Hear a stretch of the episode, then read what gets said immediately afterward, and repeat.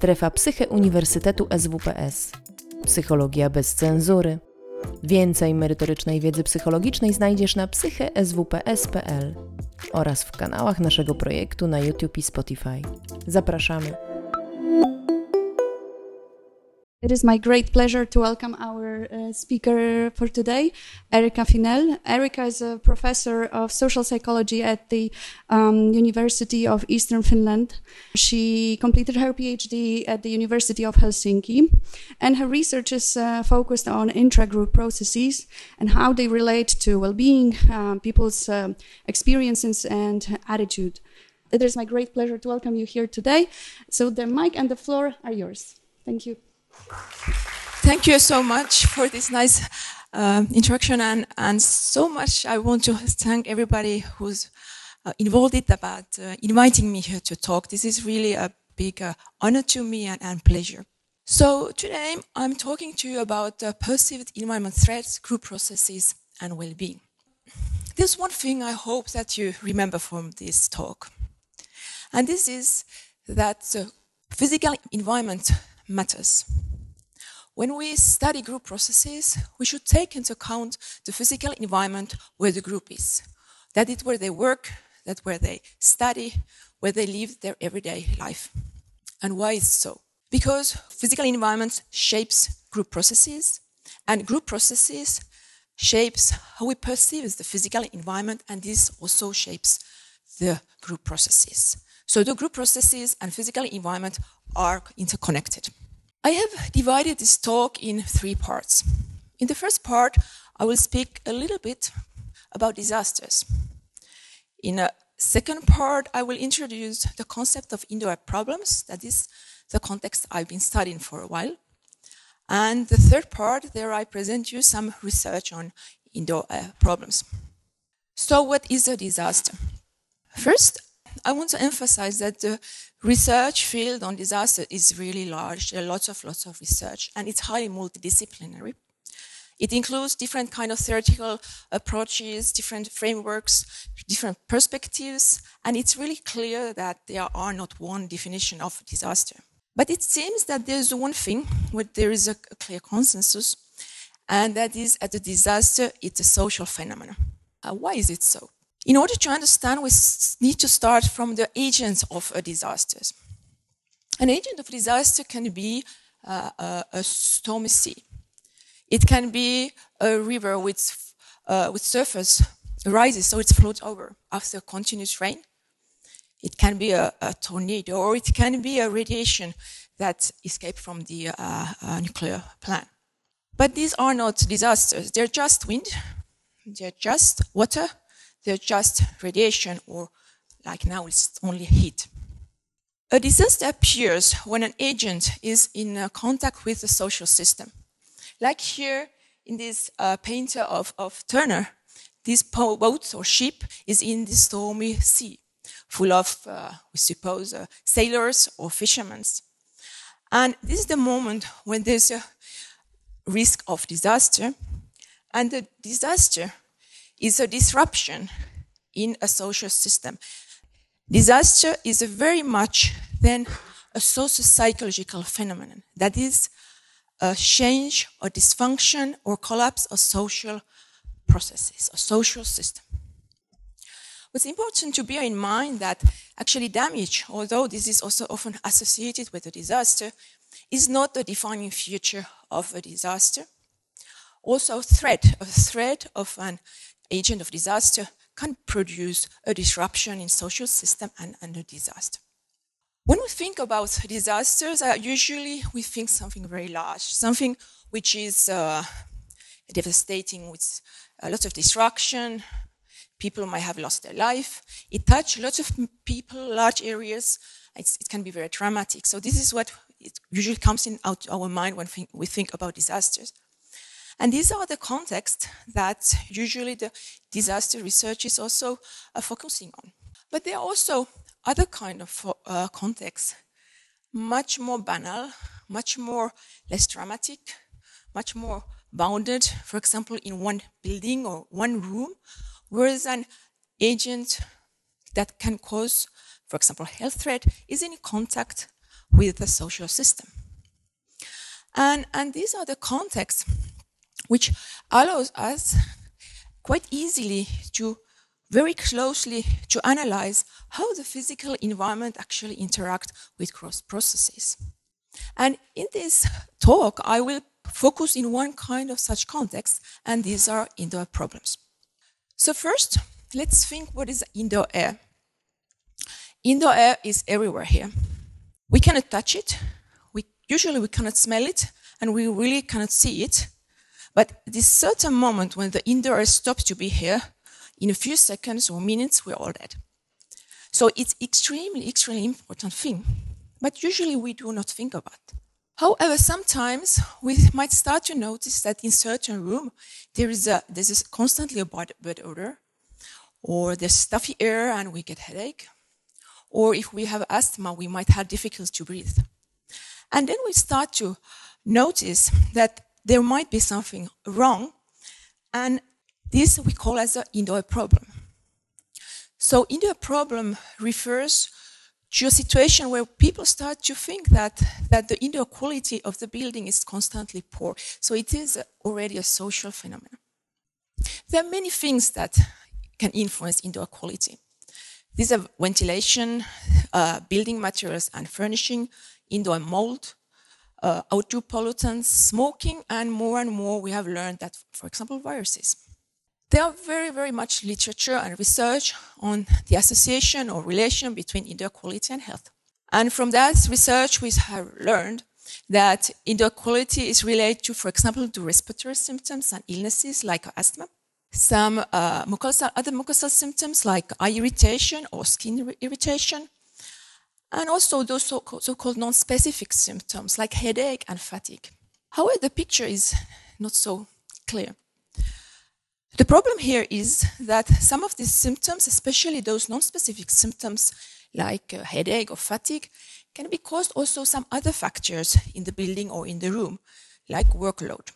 So it can be very difficult sometimes, or, quite often, actually to very strongly prove that my symptoms are caused by the indoor quality.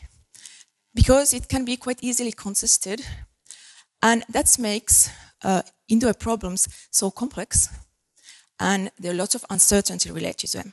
And that's not the only thing. Also, there's some medical or scientific uncertainty, since although we have a lot of evidence uh, that there is a relation between indoor quality and the symptoms, uh, there's not very clear understanding what's the mechanism underneath. In addition, what makes things even more complicated that there's a large individual differences in how we react indoor quality. So some people might have very strong health effects in certain uh, room, for example, where the others doesn't have any reaction, or they don't even notice that there might be something wrong. So there might be difficult to create a shared understanding what is actually going on. The reparation processes and investigation processes are also often quite slow. And it might be quite difficult to find what actually causes this problem. So all the time, the question of invisibility, the uncertainty are very salient when we're speaking about indoor problems. And finally, in this, uh, this uh, quite complex issue, there's lots of econo economical interest because uh, to repair an, um, a building is quite costly. And finally, there are cultural differences or differences between countries. In Finland, where all this data has been collected that I will show you soon, there's quite high awareness that especially indoor mold can have a, um, is related to negative health effects. So in the, in the study of Nisila, they show that uh, in a school where there's no observed indoor problem, still 15% of the parents were worried that uh, the indoor quality can, can be somehow harmful for for the children. And in a school where there was an observed indoor problem, it was 70%.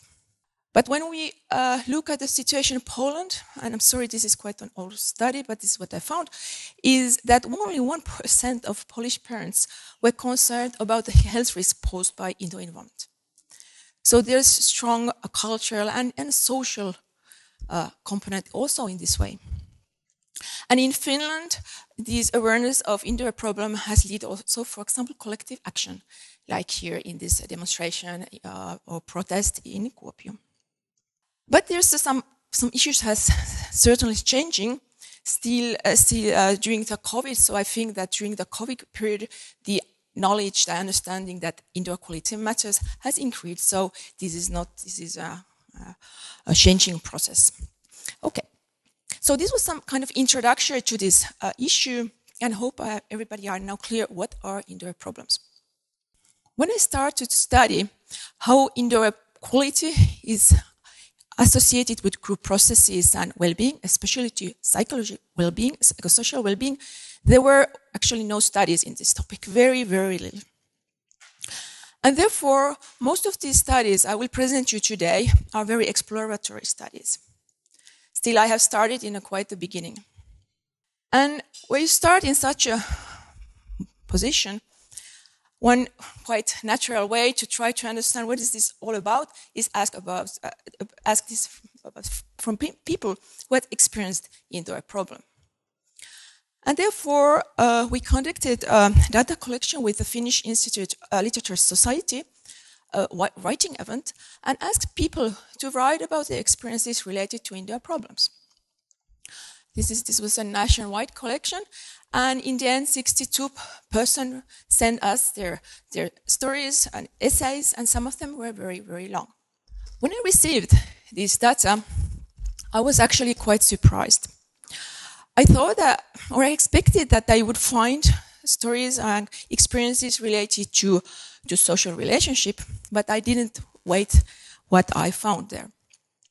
So even though people were talking about their symptoms, they were talking about the building where they get these symptoms, but what they were talking about the most, that was the social relationships, how they has been changed, the social relationships because of the indoor problems, and how much suffering it has caused to them.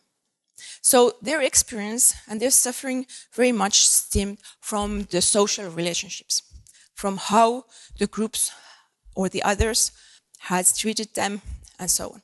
So indoor problem seems to be in these essays very much about problems and, and suffering of social, in a social level. What I've been especially interesting are the workplaces and the indoor uh, problem from the workplaces. So when we focused at the beginning from the 23 essays, which were focusing only indoor, uh, mostly on indoor problems in workplaces. And we conducted a thematic analysis and based on this analysis, it was possible to find some kind of narrative, some kind of stories. What happened there in these workplaces? Where does this social suffering evoke from? What is the process? And it seems so that the first problem here, or the, the first issue that raised, they raised there was the conflict of responsibility. That is, who were in responsible of these people's uh, uh, symptoms? Those who had symptoms perceived that it was the employer or the supervisor or the owner of the house, whereas the others and maybe the colleagues perceived that it was a, a employee's personal business. And this conflict caused a lot of uh, suffering. So at the first, I was a favored and valued employee, told, uh, wrote one uh, respondent. But when I was so constantly ill, the blaming began, and I became a burden to the rest of the working community. Everyone shrugged their shoulders and no one took responsibility for the working environment, having made me sick. It was a shock to realize how alone I was with this and that no one, no one was interested in. So the experience to be alone, to not be receiving support, was uh, highly shared by these respondents. The next phase of this process seems to be a moral exclusion. So what these people reported was that Often, their stories and their interpretation were not uh, believed, and they were excluded from the moral sphere of of uh, of the intragroup. And also, often they reported that their mental health were questioned. So, one uh, uh respondent with quite uh, um, difficult symptoms wrote, "My knowledge and experience were constantly nullified. Mentally, I found all the opposition nearly hard. I often cried at home. I realized that my actual illness was not taken seriously, but in the workplace, they tried to make me mentally ill. And these kind of experiences of delegitimization, they were very common. And often people with suffering from contested illnesses in general report such experiences. And finally, there was the phase of objectification. So, in addition to felt that you were not being taken seriously or your mental health were questioned, people felt that they have lost their value as a human being. Not all, but some of them. And here, an example from, from a nurse who has to change uh, the uh, ward where she worked. The senior nurse assured me that no one had symptoms in this ward and that there was no mold there. So this is a new ward where she would like to go. And when I reported in the morning, one Totoki nurse laughed out loud. Oh, it's nice to have you here. Now we have a living indicator. If you become ill, we'll all know there's mold here too. So this is an expression of that, what would we call maybe dehumanization, but at least that the person being objectified. It's, she was the indicator, something we told others whether there was mold or not, and no one really cared of her own health. Okay, so what we find here, we find a, a process which been actually uh, reported by Opotow, for example, that in a context of conflicts, individuals are often at the risk being morally excluded, especially if they're minority members, and objectified, which further legitimizes the rule violation, the justice rule violation. So, as we can see here, the indoor problems really changed the dynamic of these groups, at least from the perspective of one of or some of its members. But there's also another part that we have to take into account is that when people are, are in insecure position, they are also more prone to evaluate others' treatment and practices from a perspective of injustice. And it's possible that we have also this kind of process going on. Okay. So it seems that Indoor problems are accompanied by the experience of injustice, at least among these respondents uh, from a data of 23 essays, which is not much.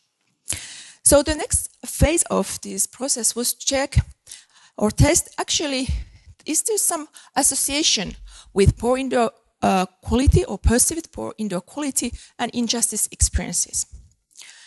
And in order to do that, we, we used the quality of work life survey from 2013.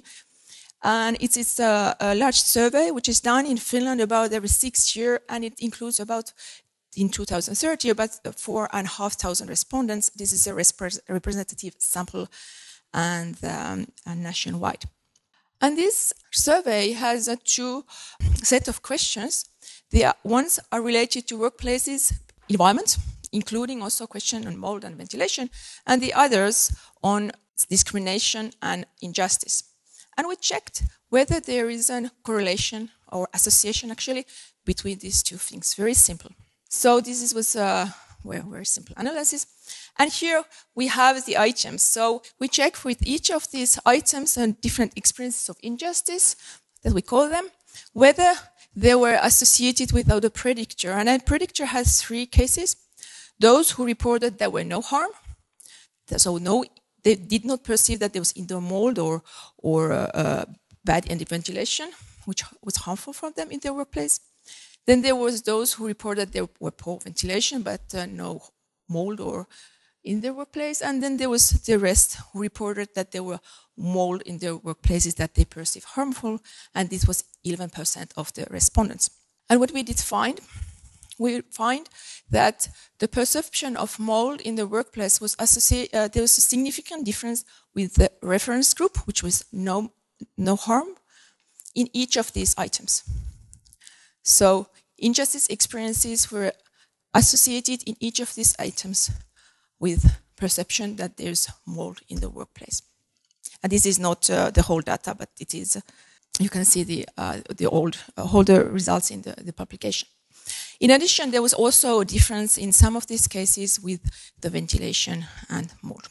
Okay, so this gives us a quite strong evidence that at least in Finland, with this nationwide and representative data, there is something going on.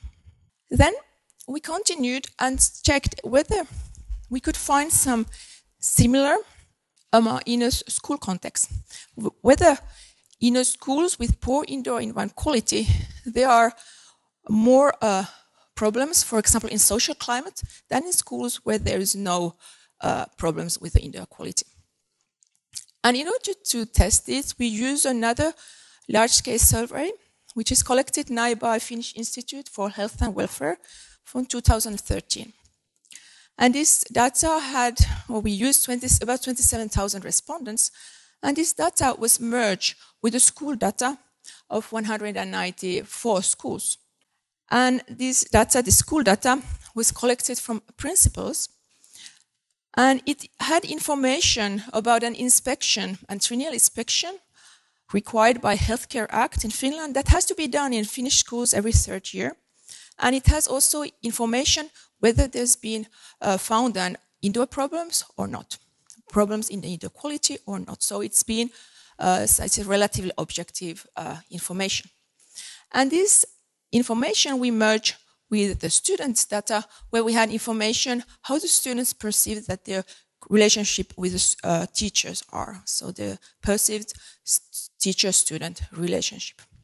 And this is a multi-level analysis.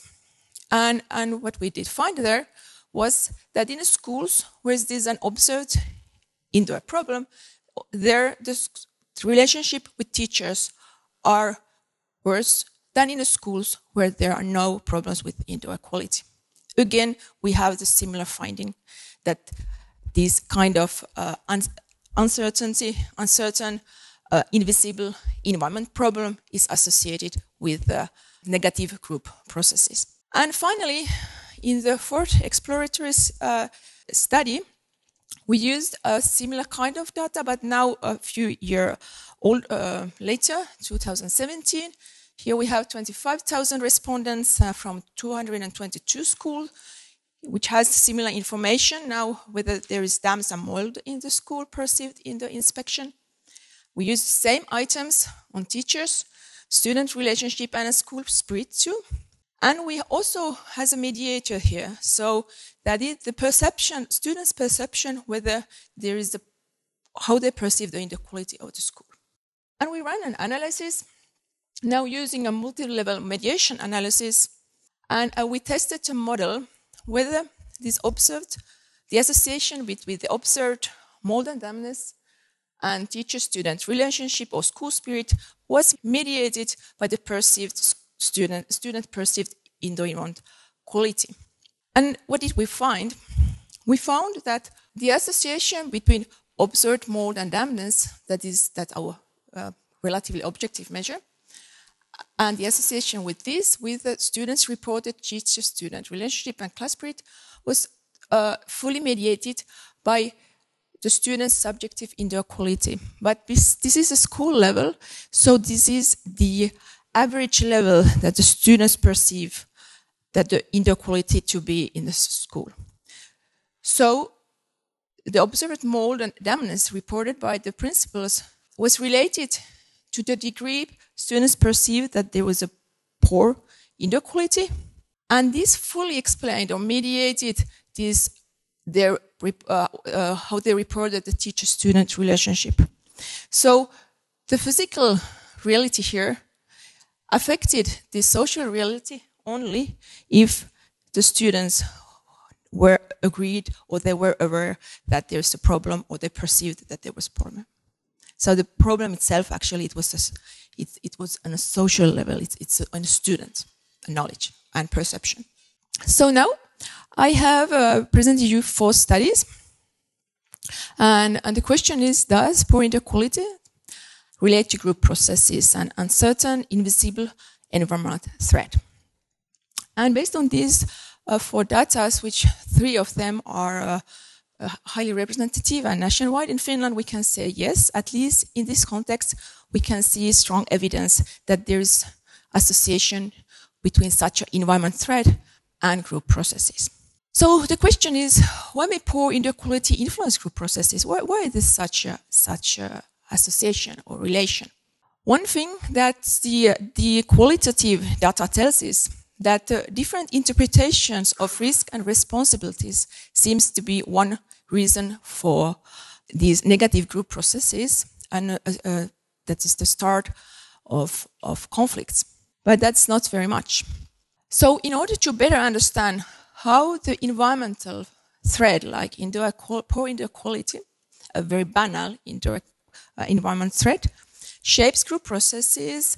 I have now done an two-year school ethnography, spending time in a school with a uh, with an indoor problem that's been also uh, acknowledged by the authorities. And, and this observation, participant observation, started just a little before the COVID hit Finland. And so this is also an ethnography of COVID in, in a Finnish school. But that's another story. And this uh, ethnography includes uh, about more than 100 interviews and uh, participant observations, and also interviews of 19 principals from other schools. So in order to get a little bit larger uh, perspective what's going on. This process is, it is really an ongoing process. And in uh, the analysis, I think it's, it's quite in the beginning. But I raise here some issues, some themes that seems to be there very uh, prevalent. So one we might explain at a school context why, for example, the teacher-student relationship is perceived uh, whereas in the schools with indoor problems, than there's no indoor problems. It's the lack of resources. This is very simple uh, explanation, but it relates to the fact that many of teachers in the schools has symptoms, and as one explains, that uh, it takes uh, their resources. So in me, it appeared as a certain kind of tightness and fatigue, and you did as you were used to do, or you just try to get along.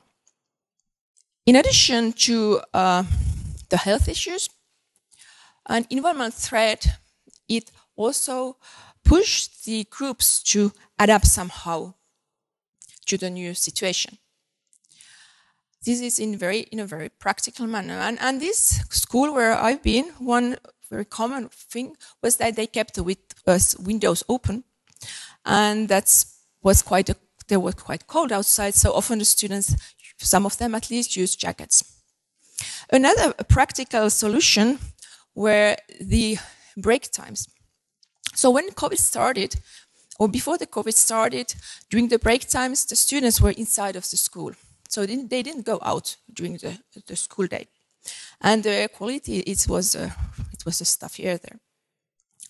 But due to COVID, the teacher and principals decided that uh, the students had to go outside and after this COVID uh, situation get uh, easier, they continued that because they noticed that actually this is uh, helped a lot the situation in the school.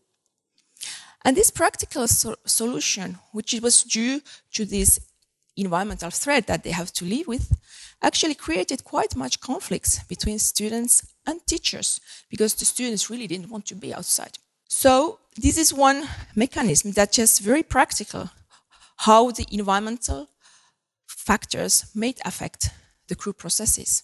And this is an interview, but I don't, I don't read it now when, when a student is claiming or saying that it's not nice to go out. And the final thing, which relates to such an environmental threat with lots of uncertainty, is that it seems to erode the trust. So often many uh, of these principals are interviewed as well as the uh, uh, teachers I interviewed, what they tell me that they had some often a problem to know whether the students really had symptoms or not. Can they really let them to go home or not? Not all, not all teachers thought that, but some of them, and especially some principals.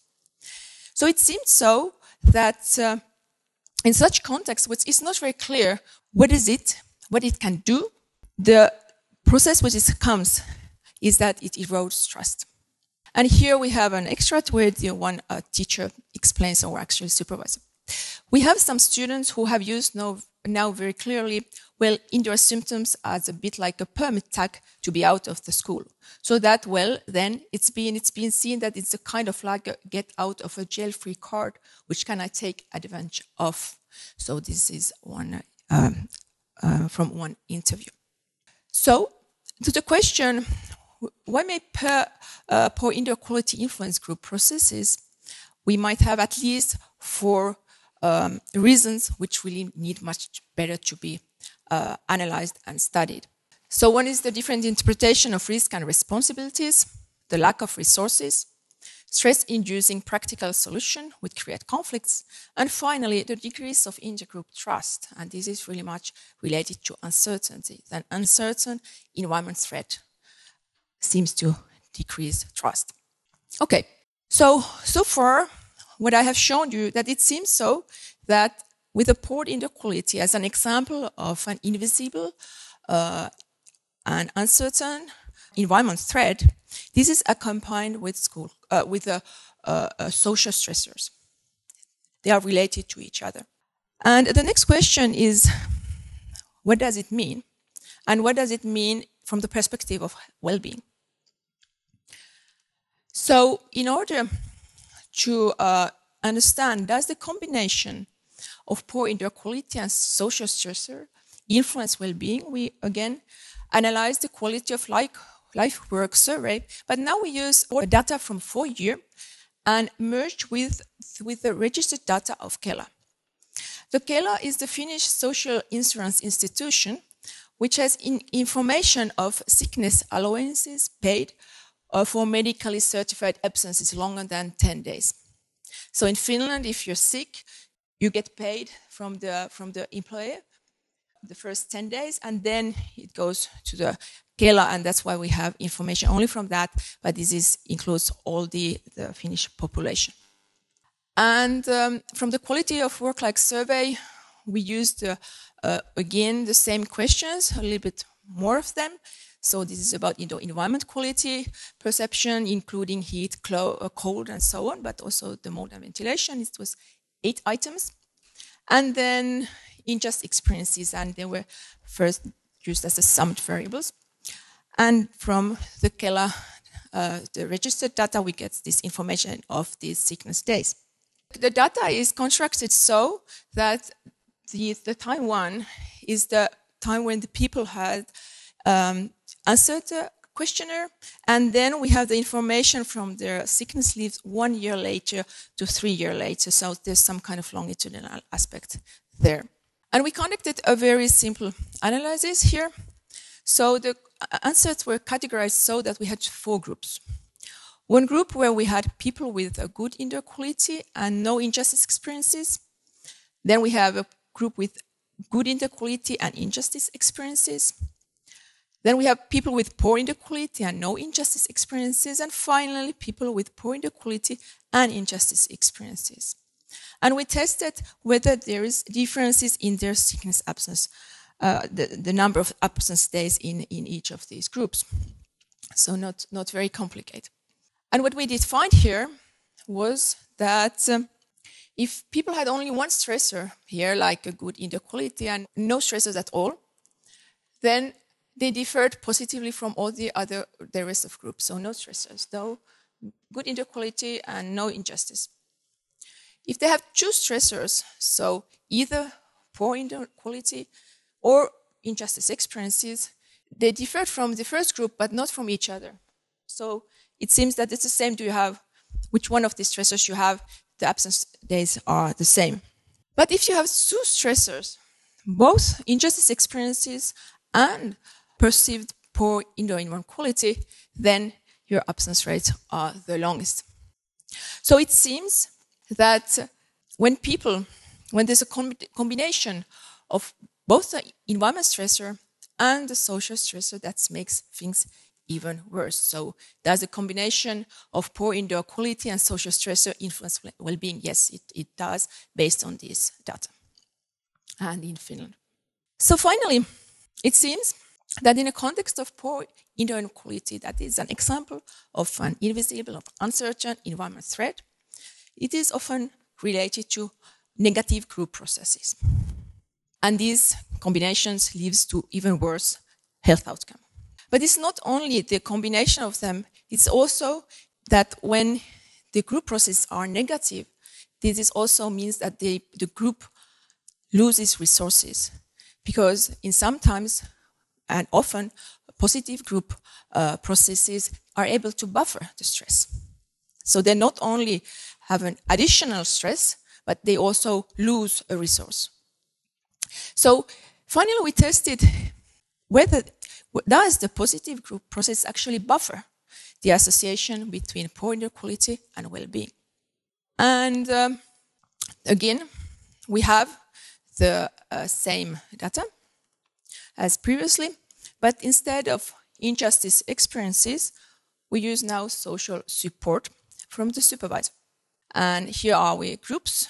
So as you can see, there's a high support and low support groups, uh, and these uh, good and bad um, or poor indoor quality. And here the important part is here. So these people who report that having a poor indoor quality at their workplace, but they have had support from the supervisor. Their absence days are lower than those who hasn't had support from the supervisor. So we can see an effect that positive group processes buffer the stress. This is very simple analysis. In order to do something more a little bit sophisticated, we tested with the school students a little bit similar kind of uh, hypothesis. And now we have about the 71,000 respondents from uh, 678 schools. And this is highly representative. And we conduct a random intercept and slope model using the uh, as an anxiety and perceived indoor inequality and the social climate. And just to explain a little bit what we did here is that what we were interested was the association between the perceived indoor quality, that's again the same, we've been talking so much, and the anxiety, and how much were uh, the slope between these two variables varies between schools. So the, this is the, the random slope. And we explain this uh, variance between slopes by social climate of the school, which included items on teacher-student relationship and school spirit, the same items I've been showing you before. And what did we find here? We found here first that um, perceived indoor inequality was associated with anxiety. So worse you perceived the inequality or inequality to be in your school, the more anxious you were. Okay, that's not a surprise. So um, what we found here is that in those students who are in a school with a good social climate, that means that they have a good, they perceive that the teacher-student relationship is good and a good climate, a good uh, school spirit. These schools where students perceive so, the association between uh, perceived indoor quality and anxiety was lower. Whereas if there was a weak social climate, it was stronger. So this gives us evidence that the context in a school, if it has a good social climate or bad social climate, buffered the association between poor quality and anxiety. And this gives us a further evidence when we're asking are positive group processes able to buffer negative association between point of quality and well-being? That yes, at least in this data, it is possible. So now I'm ready to list some conclusions. I have shown you some quite many research. So the first is that a poor perceived indoor quality is related to group processes. That is an example of an a, uh, environmental threat which is invisible and which has lots of uncertainties in it. And it is related especially to negative group processes. Then I show that the combination of purposed inequality and social stressors influences well-being. So it makes even worse is there is not only the, so, uh, the physical stressor, but also it's combined with a, a social stressor. And finally, I show that positive group processes can buffer negative associations between poor perceived indoor quality and well-being. And that leads a very, to a very important question that I cannot answer yet. That if and how we can then maintain or promote a positive group processes when groups are facing environmental stressors which induce uncertainty.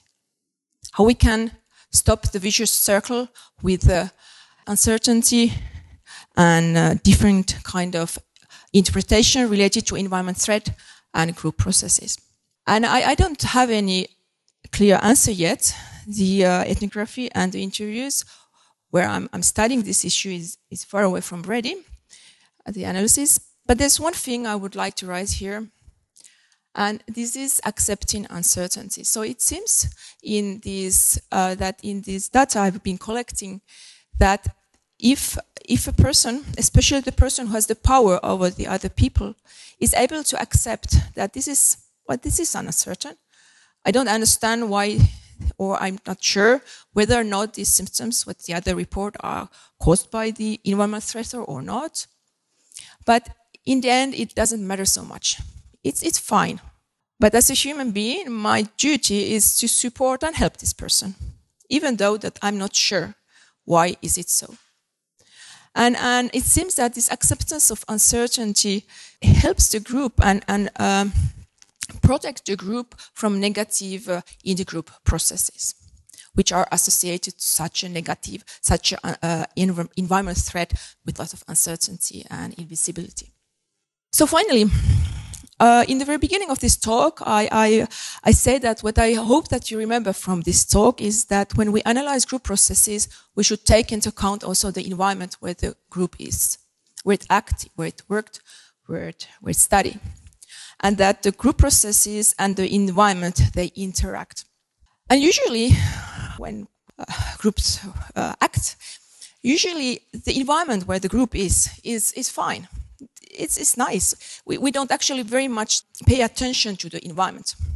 But in the moment where the environment starts to be threatful or somehow or we associate a threat to the environment, like in disasters, we can see that it really start to shape the group processes.